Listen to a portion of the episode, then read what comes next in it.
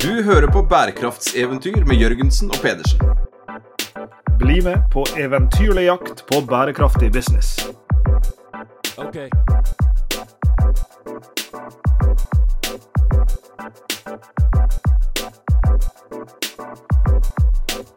I dagens episode av Bærekraftseventyr Sveinung, så har vi besøk av Cecilie Jonassen, som er administrerende direktør i Vow Green Metals. Velkommen til oss, Cecilie. Tusen takk. Hvor er det denne podkasten finner deg hen? Den finner meg i dag på hjemmekontor eh, i Sarpsborg. Så Åh, så deilig. Er du østfolding? Jeg er østfolding. Det, det, kommer til å dukke opp imellom slaga her, så det, det, kommer frem. Eventuelt liksom fra Søndre Viken, men det er kanskje ikke så, så attraktivt som, som, å si Østfold? Nei, Østfold eh, og Fredrikstad, det må være uh, Dialekten kommer til å komme frem. men Det er nok blitt litt avsleppet. Vi har bodd litt i Trondheim og men litt i Tyskland og litt sånt. Så, men, Den drevne eh, lytter da får høre etter om Sveinung sin avslepende avslepne mossedialekt gradvis bobler over i løpet av denne samtalen. Det vil, eh, det vil tiden vise.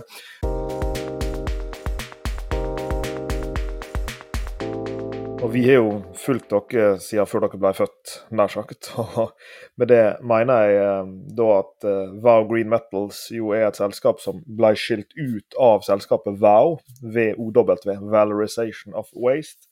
Og Vow enda tidligere heter Scanship. Uh, og den gangen, vel sånn fra 2017-2018, tenker jeg, så begynte jo vi å, å, å jobbe med Scanship på, på, ulike måter. Og nå finnes det jo ikke en podkastings uh, Vær varsom-plakat, men uh, hvis det fantes en sånn, så, så, burde vi vel her full disclosure si at den gangen investerte uh, jeg og Sveinung i vårt felles selskap i Scanship, ikke store summer det er snakk om. Og, og senere har vi investert i, i, både Vow og Vow Green Metals også, så er det sagt høyt en gang og, og for alle. Men så Vi har jo fått lov til å være med og, og følge denne reisen fra Scanship via Vow og nå også Vow Green Metals ganske tett. Eh, og noen av lytterne våre kjenner kanskje til eh, begge selskapene. Men kanskje, Cecilie, kan du begynne med, eh, uten at du skal trenge å fortelle hele verdenshistorien, og, fortelle litt om Wow-universet og Wow Green Metals sin plass i det? Jo, altså, og det er en ganske viktig forskjell på Wow Green Metals og Wow. Um, den veldig korte versjonen er at Wow er en teknologi leverandør og en prosjektleverandør, mens vi er da industri, eh, og vi er prosessindustri.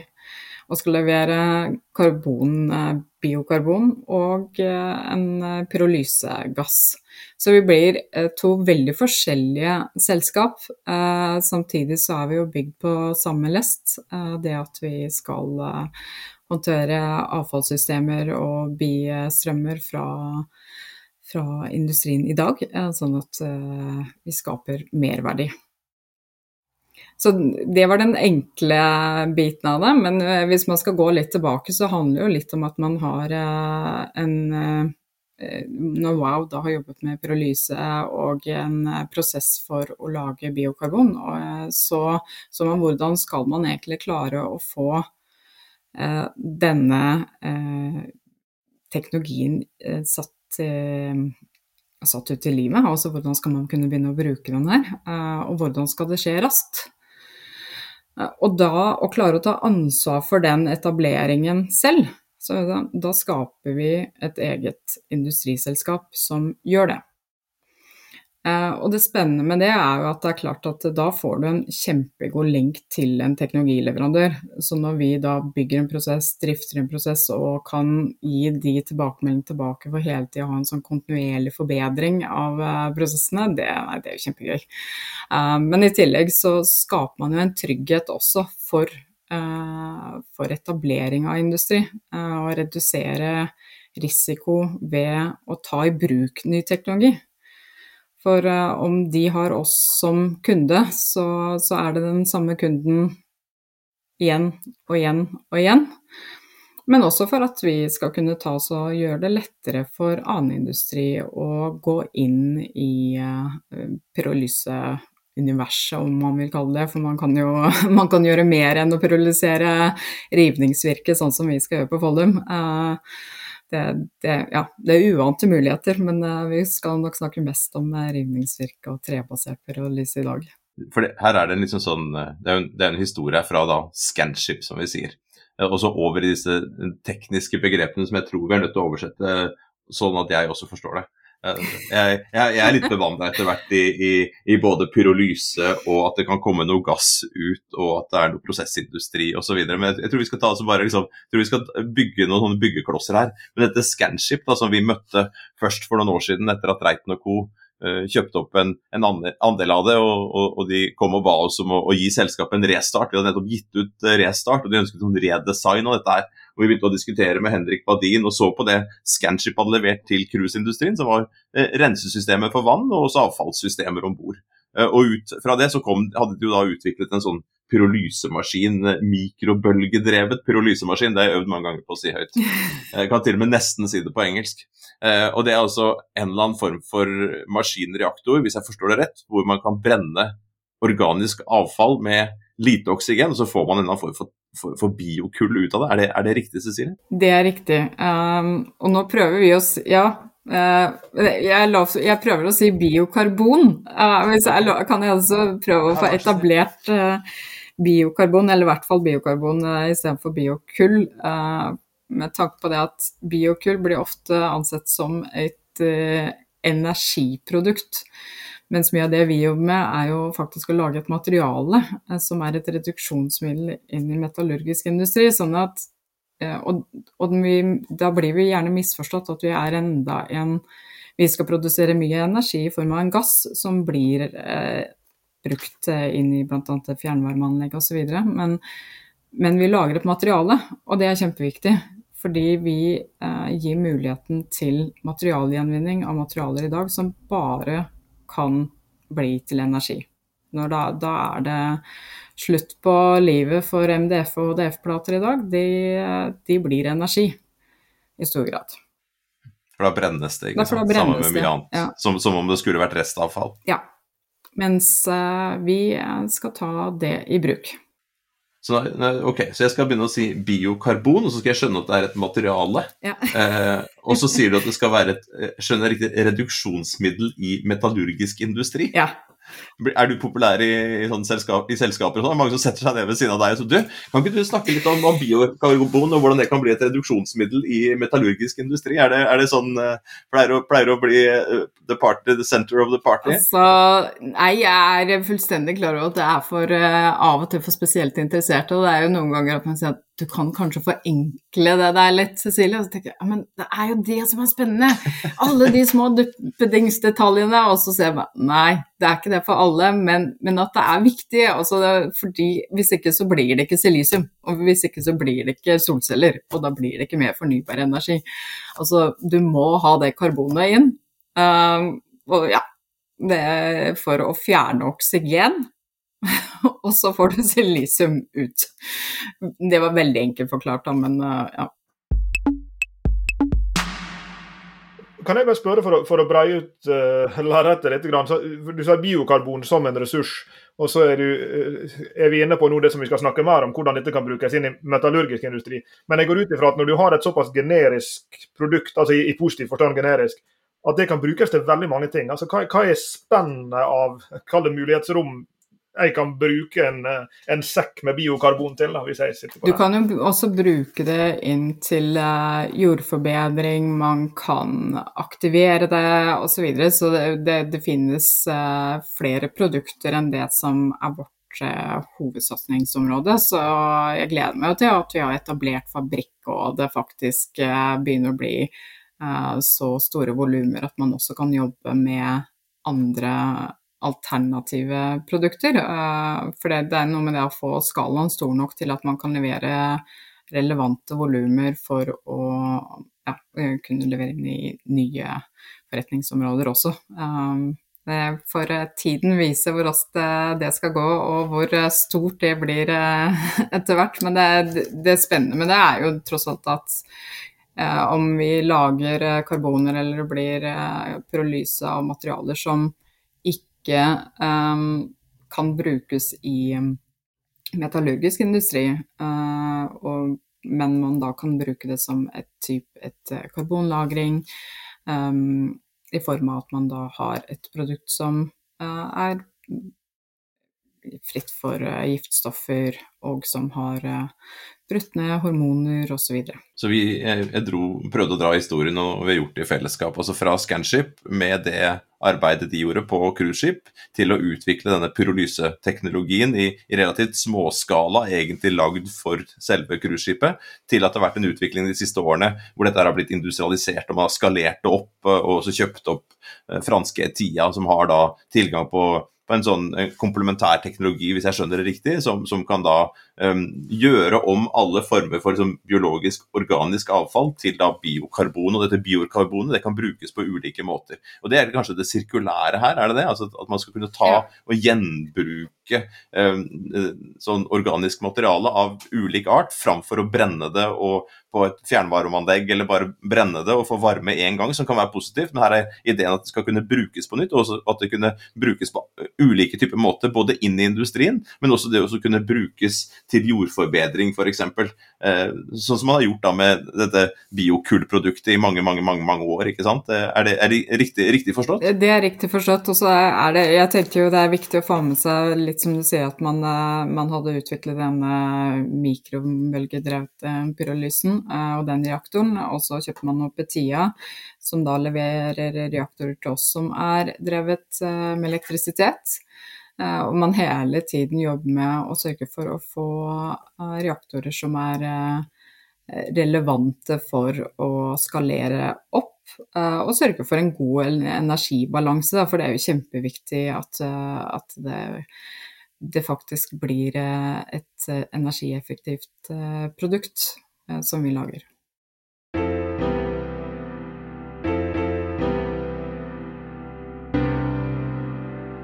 Det er en interessant sånn historiefortellingsutfordring rundt dette som, som, eh, mange ledere vil kjenne seg igjen i. fordi både Wow og, og Wow Green Metals har jo, har jo lykkes med å, å, bli en slags, eh, liksom et av eksemplene som, som, popper opp når folk skal snakke om sirkulærøkonomi i Norge. Eh, men samtidig så, så, er jo det en betydelig historiefortelling rundt altså liksom, Det å få kommunisert narrativet da, rundt sin plass i det grønne skiftet og i det sirkulære skiftet, det er liksom veldig lett for den der veganske hjørnerestauranten. Liksom. Men, hvor, eh, Eh, hvor lett er det å fortelle disse historiene eh, nær sagt til alle relevante interessenter, enten det er, det er kunder eller det er journalister fra Dagens Næringsliv eller investormarkedet eller hva det måtte være? Den enkle bit med det må jo være det at, at jeg kan si at jeg tar inn et materiale som blir 100% energi, og istedenfor at det blir det, så blir det 30% materialgjenvinning. Så det er veldig enkelt forklart. Men, men jeg, jeg, har jo den følelsen at jeg liker å tegne og forklare og litt sånn, så det er av og til den rene historiefortellingen, så blir jeg jo fort en veldig eh, Det å støtte seg med en sånn tegning som viser hvor vi hopper inn, er ganske viktig, for at det er da du ser hvilken effekt det er å ta i bruk ny teknologi eh, for å på en måte øke både verdiskapningen, men å forlenge livsløpet til et fornybart materiale som eh, bl.a. tre er. Så når da VGM ble etablert, så hoppet dere inn i verdikjeden til trevirke først? Ja, litt, altså til hele skogsnæringen på mange måter. Altså det, nå, nå kommer jeg jo fra treforedlingsindustrien, så det, det, er på mange måter ingen overraskelse at jeg liker, jeg liker, at man bruker de materialene på en fornuftig måte.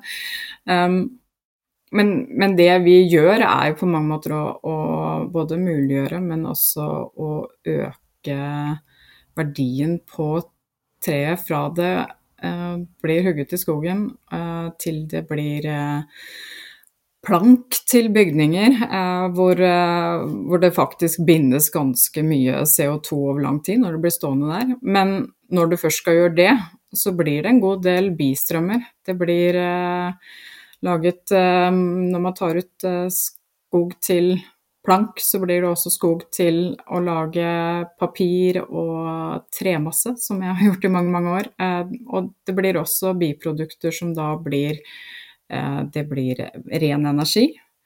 Men etter det så har det på mange måter tatt litt sånn slutt. Da, da brennes det.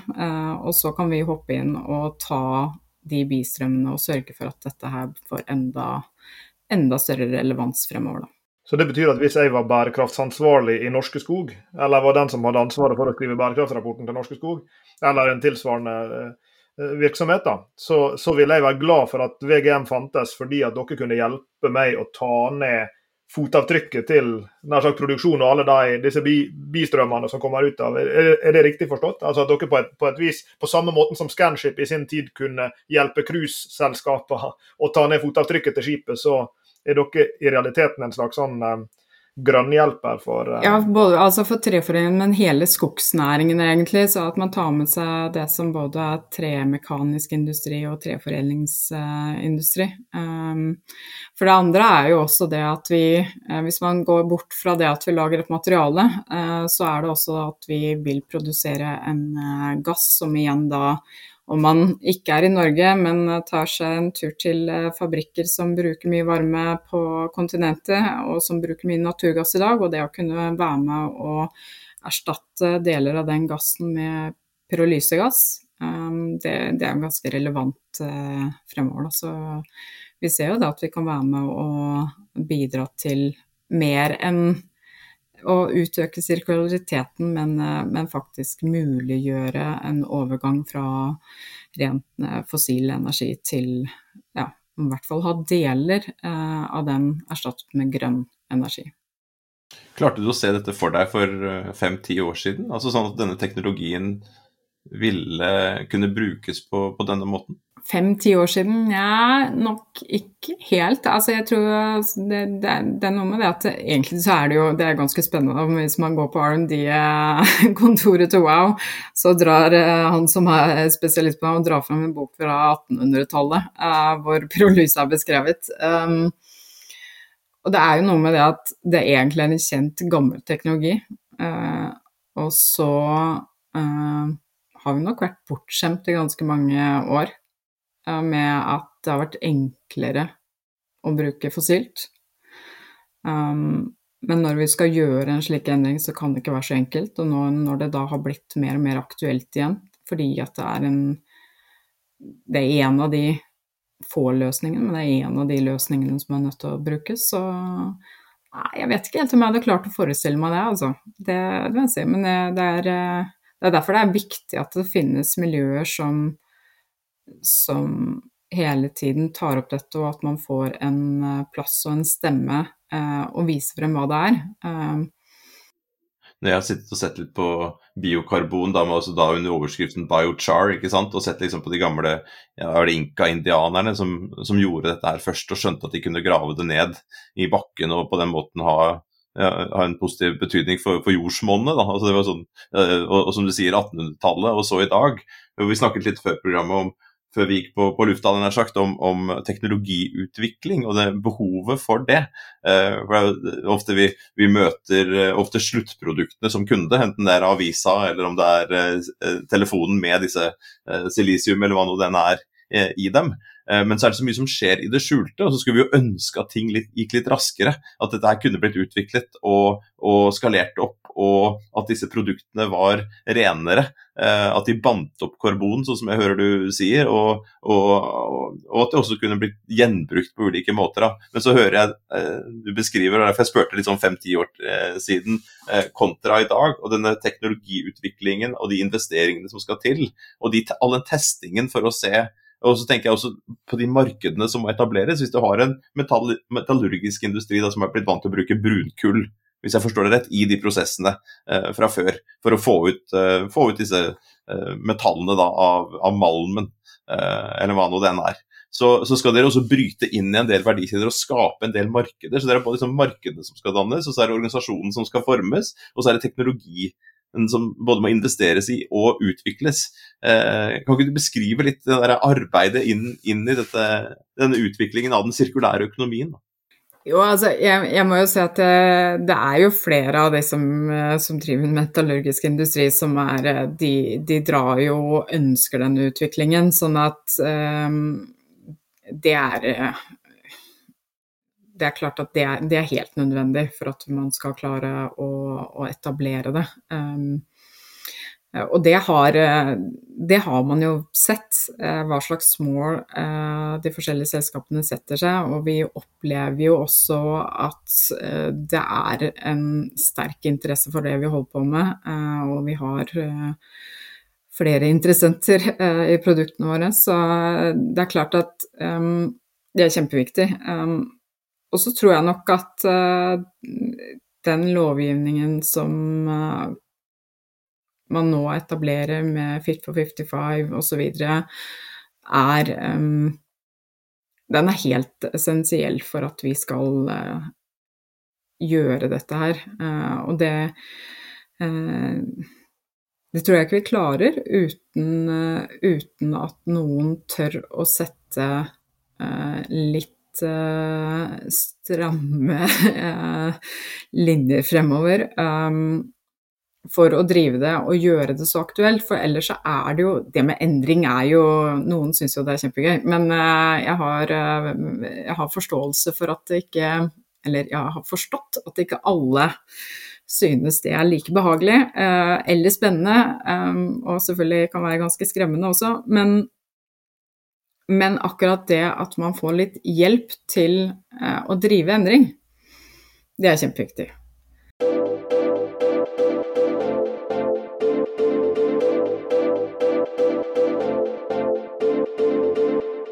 Sånn for, å, for å, trekke, det, trekke linja til For som du sa, dette, disse, en, en får drahjelp av reguleringene, her, her liksom, er det en oppvåkning da på gang. Og, og problemet f.eks. knytta til CO2, som selvfølgelig er veldig stort, og det er opplest og vedtatt, det trenger ikke å debattere lenger. Og Hvis jeg husker rett, mener jeg har lest at i Norge så er, er det 7 av CO2 um, utslippene som er knytta til metallurgisk industri, er det, er det riktig? Ja, no, ja, Noe i den duren. Uh, og, og nær sagt um, uh, ja, kan, kan, Kanskje du kan rett og slett snakke litt om, om, problemet her? Altså Om liksom omfanget og skalaen av, av utfordringer for denne industrien. Og, og, både da responsen regulatorisk og, og alt som skjer rundt her. for dere kommer jo inn og prøver å, å ta ned Ja, altså i, i, Norge i dag så bruker metallurgisk industri opp mot 1 million tonn med fossilt kull årlig. Um, og eh, skal man erstatte 40% av dette, så er det 400 000 eh, tonn. Og det igjen blir Så kan man gange dette med 3,6, og så får man eh, CO2-utslippet osv. Så, um, så, så det er ganske enorme tall det er snakk om. Men det er også ganske mye biomasse som skal til for å løse dette. Sånn. Så, så det, det, er jo en viktig del av det. Så vi, eh, vi kan bidra til å redusere deler av dette. Og så er vi egentlig den eneste løsningen for enkelte deler av denne industrien som må benytte karbon, og som ikke kan bruke hydrogen f.eks. I, eh, i sin produksjon som reduksjonsmiddel, for å få lov til å gjenta et eh, kjemisk uttrykk her. Ja, jeg setter veldig pris på, på voksenutdanningen ja, altså i, i, dette her. For jeg og Lars Jakob vi møter jo stadig ting vi ikke kan, og dette er jo en av de tingene. Vi prøver å sette ord på det, prøver å forstå det. Uh, og det er jo stas for oss og lytterne våre å få eksperter på det, som kan, kan, ta oss inn i dette som skjer på bakrommet. For det er jo et digert bakrom her i den sirkulære økonomien. Skal vi få gjenvinning til, skal vi få uh, bytta ut dette her fossile uh, kullet, eh, eller karbonet, med et, med et, eh, fornybar biokarbon. Så er det mye som skal skje, og det er så mye som, som, som skjer da på bakrommet. Og dette digre bakrommet, det har jo dere nå etablert på Follum, ikke sant? Kan ikke du fortelle litt om, om, om Follum, helt sånn konkret, praktisk? Hva er det dere prosjekterer der? Der skal vi sette opp vår første fabrikk. Den skal produsere 10 000 tonn med biokarbon, og så nevnte jeg jo i stad 1 million tonn, uh, så jeg har lov til å si at det er nok å ta av. Um, og det, det, er klart at det, det setter jo vi pris på. Det viser hvor relevant uh, vår løsning er. Men det vi gjør der, er jo da å ta imot rivningsvirke, og bl.a. av materialer som bare kan bli energi. Tidligere så ble det rivningsvirket benyttet eh, rett til energi i en eh, biomassekjele som ligger eh, rett ved siden av. Og de lagde da varme til Hønefoss by i et fjernvarmeanlegg. Og det vi nå da gjør, er at vi bygger en fabrikk. Vi tar dette rivningsvirket, og litt til selvfølgelig, for nå skal ikke alt bli gass og energi til fjernvarmeanlegget. Noe skal bli biokarbon. Så tørker vi dette og pyrolyserer dette, og til slutt sitter vi igjen med da et biokarbon og en pyrolysegass. Denne pyrolysegassen går da tilbake inn i denne kjelen som før fikk fast materiale. Nå får den en gass. Og så brenner vi den der, og så leverer da Vardar eh, fjernvarme til Hønefoss by. Og så tar vi biokarbonet og sender det til våre kunder som skal bruke det i sin prosess for å fjerne oksygen fra malm. Kan du si noe om hvem disse kundene er allerede nå? Det er jo først og fremst eh, metallurgisk industri eh, her i Norge. Altså vi har eh, letter of intent med, med Elkem på, på, et mulig avtak. Um, og det, det, er klart at det er kjempeviktig for oss, og de har jo en fremoverlent holdning til dette og ser at dette er et viktig, viktig, prosjekt for dem også. Så der, der, ser jeg at vi, vi har gode relasjoner. Hvor nasjonal kontra internasjonal er en sånn type operasjon som det her? Altså, jeg tenker Det er veldig store kvanta inn og det er store kvanta ut. ikke sant? Og, og så finnes det selvfølgelig både eh, skognæring, treforedling og det finnes metallurgisk industri veldig mange steder i verden. Er det sånn at en kan se for seg en VGM nær sagt tilstedeværelse i andre marked, og, og er det slik at det vil være nødvendig fordi at en egentlig må være tett på nær sagt flyten av de store massene? At hvis du skulle betjene et, et, et, annet marked, da, at du da vil kreve en tilsvarende tilstedeværelse der. Med, ja, med det, det, blir kjempeviktig for oss. Uh, og det er litt, uh, hvis man begynner å gå og se på hva uh, råstoffet vårt er på Follum, som er rivningsvirke, det er ikke drevet av hvor mye skog som er i landet, men hvor mange mennesker som bor der. Så dette er enda mer aktuelt i, eh, i Europa, eh, hvor selvfølgelig befolkningstettheten er høyere, og eh, feedstock er tilgjengelig i langt større kvanta enn en her eh, i Norge. Men det er klart altså det å produsere i nærheten av avtak av gass er kjempeviktig, og den energien vi lager. Um, men også selvfølgelig må vi ha feedstock tilgjengelig. Da feedstock. Så rivningsvirke er en form for feedstock, og det kunne vært andre typer feedstock også som kunne vært brukt der. Kan, kan på en måte alt brukes som feedstock?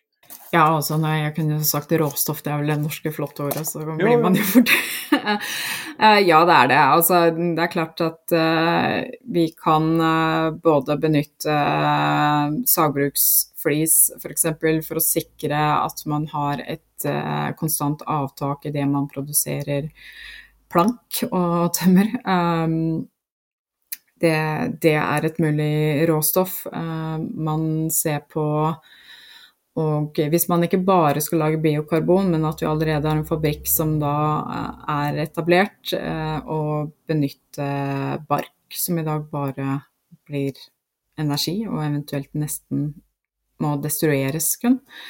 Um, da kan man lage biochar, som vi velger å kalle det som går til jordbruk. Um, man kan uh, også destruere, uh, og jeg velger å si destruere dersom uh, det bruker i hvert fall utlignes i energi når vi tar slam fra, fra renseanlegg osv. Um, det, det, det, nesten alt kan pyrolyseres. det handler litt om hva slags type sluttprodukt man, man får ut.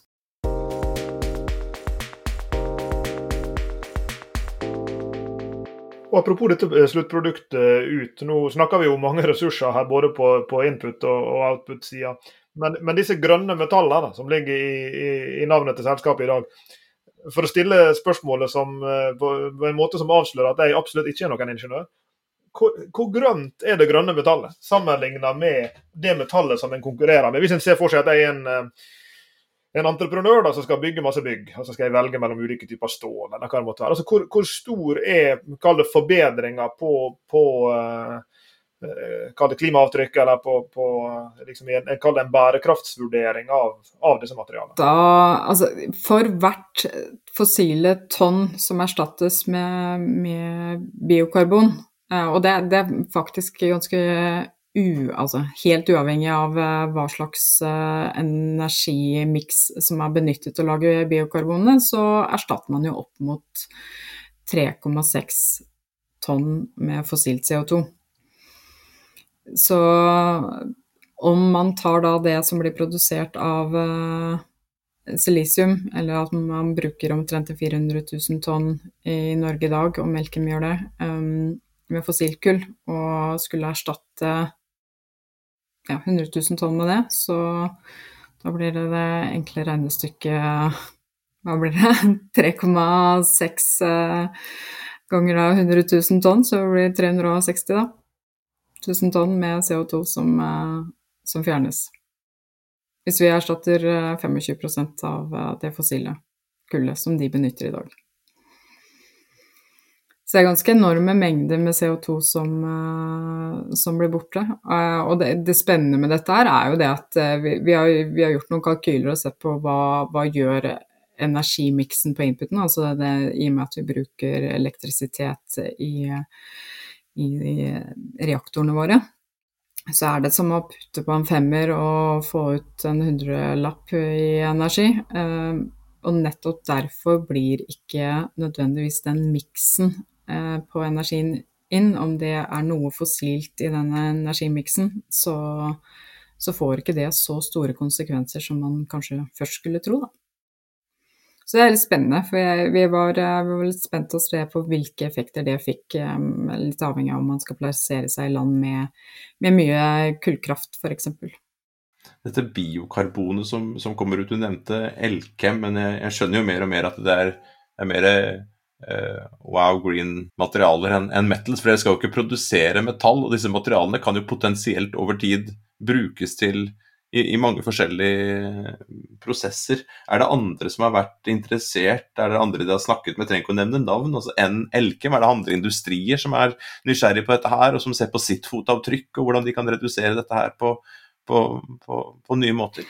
Det er nok flere, ja, som eh, Uten å si for mye, men det er, det er, flere som er interessert i å se på hva det her kan bety for dem, om de kan bruke det eh, i sin eh, ja, lage et forretningsområde som gjør hele selskapet mer bærekraftige, som er basert på, på biochar. Um, det, det, er nok litt Eh, tidlig ennå. Og det, det, handler også om at produksjonen av biokarbon og biochar egentlig er så lav at den på mange måter er ikke på et hva man kanskje kan kalle et industrielt nivå. og Ikke for å, å si at eh, de som produserer i dag har selvfølgelig eh, også en produksjon, men, men, når man ser på at når vi er etablert, så har vi omtrent altså 25 av den kapasiteten som da er tilgjengelig i Europa. Og det er klart at eh, det må jo være et produkt der for at noen skal kunne begynne å tenke på dette som en del av sin strategi. Um, så, så, det henger jo litt sammen med eh, det, det, er en tilbud og etterspørsel uh, her som, eh, som man må få en balanse i også. Ja, apropos tilbud og etterspørsel, her, da tenker jeg på, på etterspørselen etter, etter, råstoffet som går inn. Er det, er det, slik at i en tid hvor uh, verden skal bli og, og, blir mer og mer sirkulær, og, og, det dermed er flere og flere løsninger i ulike bransjer hvor en ønsker å bruke ja, ulike typer ressursstrømmer som, som innsatsfaktor, er det slik at dere eh, er bekymra for konkurranse om råstoffet, for å si det på den måten, eh, når du kikker litt framover i, i spåkula? Ja og nei. Altså, eh, hvis man tar eh, og ser Nå er det innført en forbrenningsavgift i Norge eh, som innebærer at eh, det blir en avgift på å forbrenne avfall. Um, og Jeg nevnte tidligere at vi er en av de teknologiene som kan uh, materialgjenvinne MDF og HDF. Um, og det er klart at det gjør at vi blir veldig aktuelle. Så om, om ikke så er alternativet å brenne det, som det da er innført en forbrenningsavgift på. Så på mange måter så begynner det å bli biomasser og den type strømmer tilgjengelig for oss som ikke har vært uh, i omløp tidligere, og som nå på mange måter må finne uh, nye eiere, er vel uh, feil å si, men, men samtidig så, så, leter man etter noen teknologier og en industri som kan bruke dem, rett og slett. og det Eh, det er klart at eh, vi er en av dem.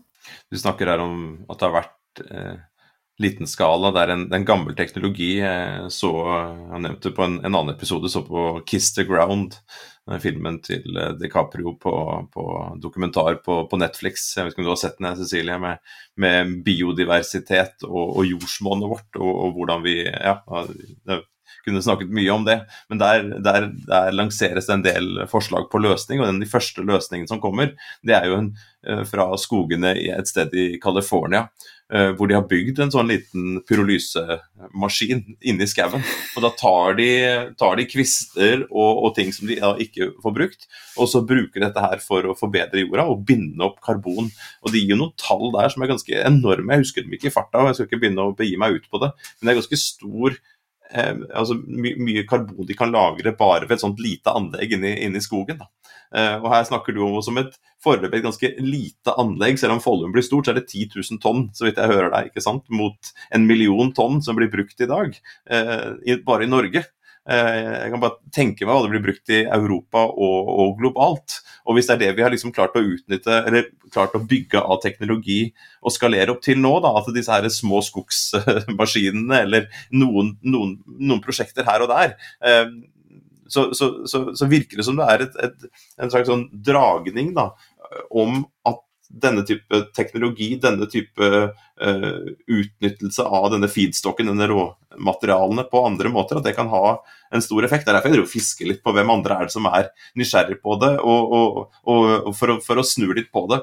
Hvem er det som burde være nysgjerrig på dette? her? Hvem er det som burde ringe eh, til Cecilie etter å ha hørt på dette programmet og si vet du hva, dette her var kjempespennende, jeg skjønner at det, er 10 000 tonn som skal produseres her i framtiden, det er jo ikke nok til å dekke mitt behov. Men kunne vi? Kunne vi? Altså hvem er det, Hvilken type industri generelt, ikke på navn og ikke på akkurat bedrift den. men hvem er det som virkelig burde ta tak i dette her, hvis, hvis dette har et så stort potensial som, som, som det påstås? da? Altså, en ting er metallurgisk industri, hvor man ikke har noen Altså de som, den delen av dem som ikke har eh, andre muligheter, Også det er bl.a.